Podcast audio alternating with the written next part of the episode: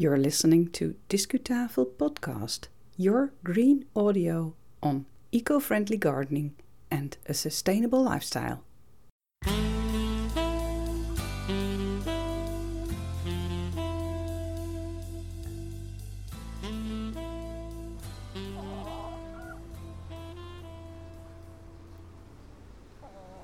Hello, welcome to Discutafel Podcast, episode number 106, which was uh, put online on the last day of September 2021.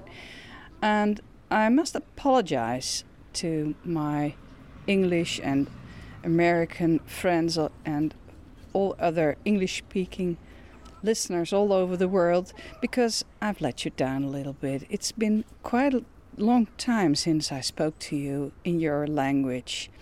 But um, I have a, a, clear explanation, and I must confess it's a sad explanation because last spring I lost my dad, my dear dad. He was 94, and it was clearly the end of his life, and it's well, it was okay by him for him and for us as well, but I suppose you understand my head and my calendar did not have enough room to make a lot of recordings, let's uh, let alone English recordings. So that's why I haven't made a English podcast in during a couple of months' time.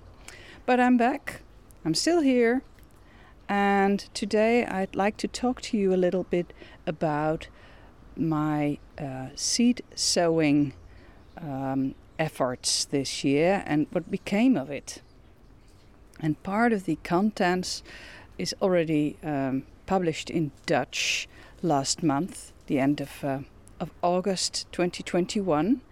So, Dutch listeners, perhaps you hear some uh, um, information you heard before but um, I would be very glad if you stay with me and listen to the English episode as well.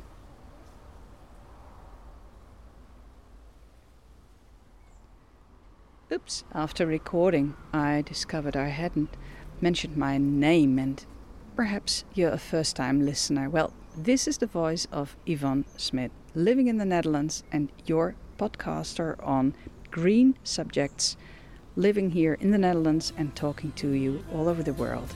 Welcome.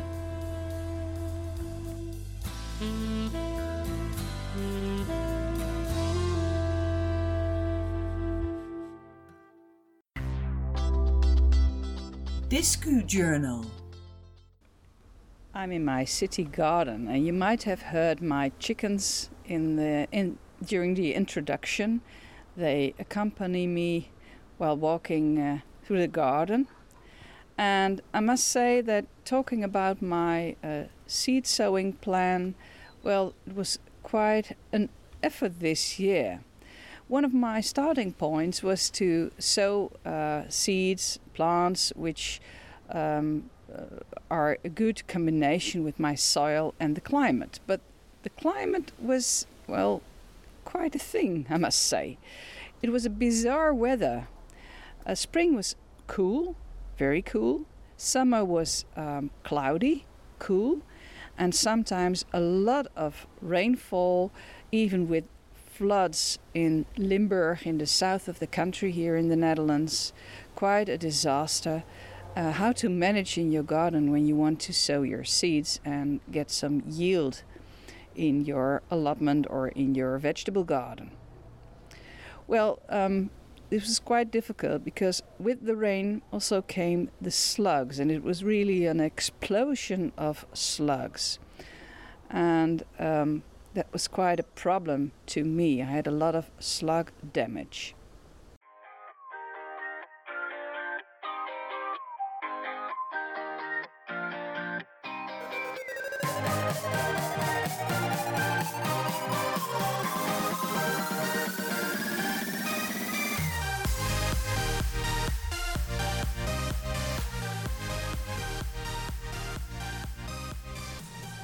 Well, let's walk to my vegetable garden now. chickens are already there, I see. One of my starting other starting points was not to sow too much. Don't know how about you, but I always want to sow many, many seeds and plants, and afterwards I discover I don't have room for them to grow. But this year, I must say, I managed to um, to sow not too many seeds, and most of the um, raised beds here in my vegetable garden were nicely um, inhabited with plants, and the plants had room enough to grow, and there were no bare was no bare soil to be seen. So I'm quite happy with that. But there's another spot in the garden which, well, got a bit, little bit out of hand, and I'm walking to the spot now, and this is the terrace. I have a terrace with uh, a table and four chairs, uh, another seat, lots of pots with uh, uh, geraniums and laurel and other plants, uh, uh, rosemary, for instance. But on this terrace, on this very terrace, I um, managed to put 10 to 12 tomato plants in pots, perhaps even more. Um, this this was not planned. Uh, usually, I put um, well about three or four of those plants here. It's on the south side, so they get lots of sunshine, perfect for tomatoes. But now there were 10 or 12, so I even had to make some fences to uh, protect those plants from the chickens because chickens um, like tomatoes. so uh, there was not enough room for my uh, garden set to put there. It was really not as I had planned. On the other hand, I must say, I'm very glad I had that many tomato plants because somewhere in June or July, when it was raining and, and warm, the Phytophthora uh, came on the plants. And this is quite serious, of course. Uh, they can die within uh, one or two days. And as soon as I discovered this Phytophthora uh, fungi on one or two of those tomato plants, I threw those plants away and kept an eye on the rest. And what happened? Most of the others survived. They were not ill at all. And the plants I had to throw away were all um, F1 hybrids or um, um, uh, plants which are um, very popular, and uh, the plants who survived, which survived, were heirloom varieties or uh, open pollinated varieties. Which leads me to the conclusion that those old varieties probably are more resistant to, to those fungi. But it's only in my garden and it's only this year, so it's not really scientific conclusion, is it? But anyway, I had a lot of tomatoes to make uh, sauces and ketchups and uh, um, other nice recipes, so I'm very happy about that.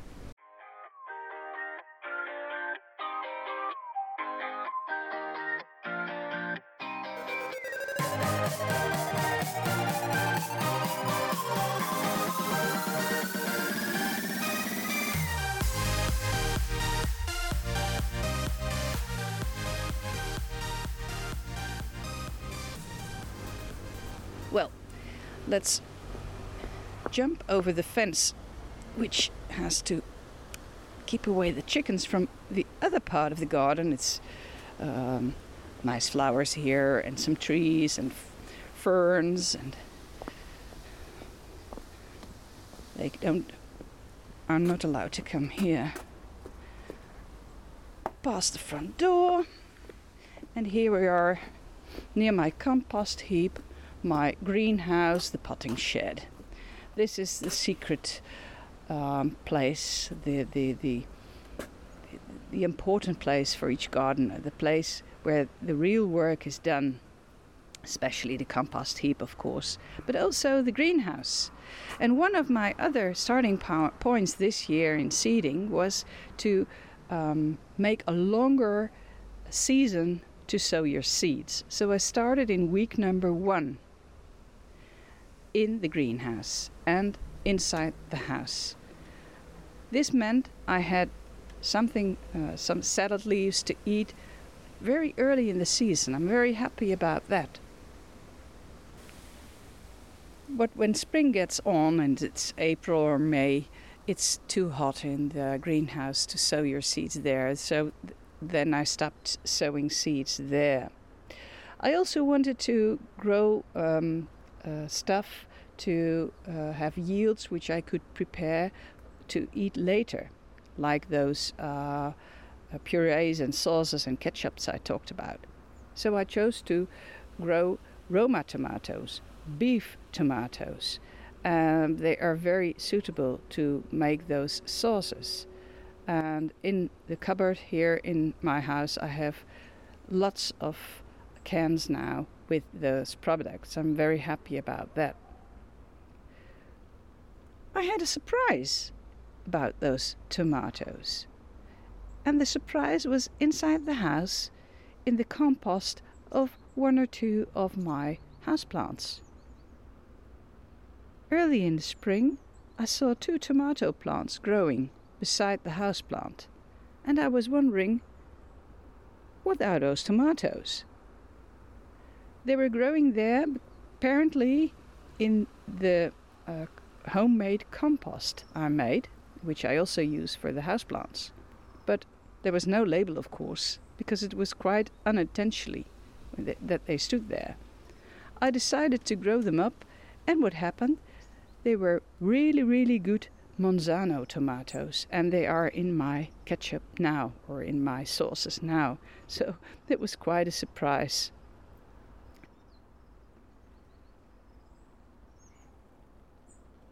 When it was summer, I was that busy working in the garden that I had to skip some of my plants to uh, to sow. I did not sow my uh, pumpkins Jack B. Little like last year, but I did sow other pumpkins and they are growing now, so that's okay. But I did manage to grow gherkins for the first time. It was very good success. They are very suitable to make pickles, and I uh, must say they taste lovely after a couple of weeks' time.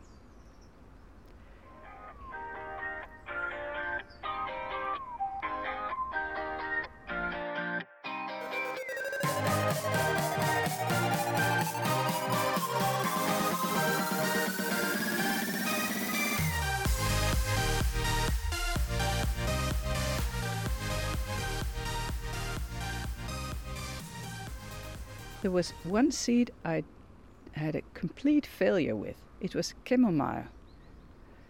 And some of my friends also reported failures on sowing chamomile this year. Um, I planned to yield those flowers to make tea with them for myself, but also for my chickens because it's very healthy for um, to prevent illnesses. But um, Unfortunately, I have to buy my chamomile flowers in the shop now. I did a very good experience in sowing every week or every other week and making note of it. I had a plan sowing in week one, week three, week eight, and so on. And I put the week numbers on the labels, on one side of the label, the plant name on the other side of the label, the week number, and make note of it. And it helps to plan my seeds sowing calendar for next year. So perhaps that's a tip for you. And it doesn't matter if you have another week number system in your country because usually it's around the same. And it seems that the 5th of February always is in the same week um, in the whole world, uh, as I understand. So why bother? It makes planning a lot easier. It's also handy to plan in groups, like uh, sowing uh, salad leaves in one week and sowing Roman lettuce in the other week. Even if you have different Roman lettuces, it's handy to sow, to sow them in a group. So when I look back, the surprise in the living room with those tomato pl- plants was a very happy one. The bizarre weather was a tricky one with the uh, slugs problem, the slugs damage problem, and the Phytophthora, the fungi problem, which turned out to be less harmful than I thought because I had a lot of heirloom tomatoes and um, uh, open pollinated tomatoes, and they seemed to be resistant to the fungi. It's about time now to make my plans plans for next year, and I hope that my experiences help you to make your plans as well. Discu finish. It's starting to rain and it's uh, time to go inside now. It's getting a little cool. Thank you very much for listening to this episode of Discutafel podcast. The frequency of the English episodes is rather irregular nowadays, but the first Dutch is expect, ex, expected on October the 7th. But I'll be with you again sometime in English. So please stay connected. Follow us on Twitter and talk to us. We'd like to hear your story about sowing your seeds or other adventures in your garden. In the meantime, let's go outside and until next time.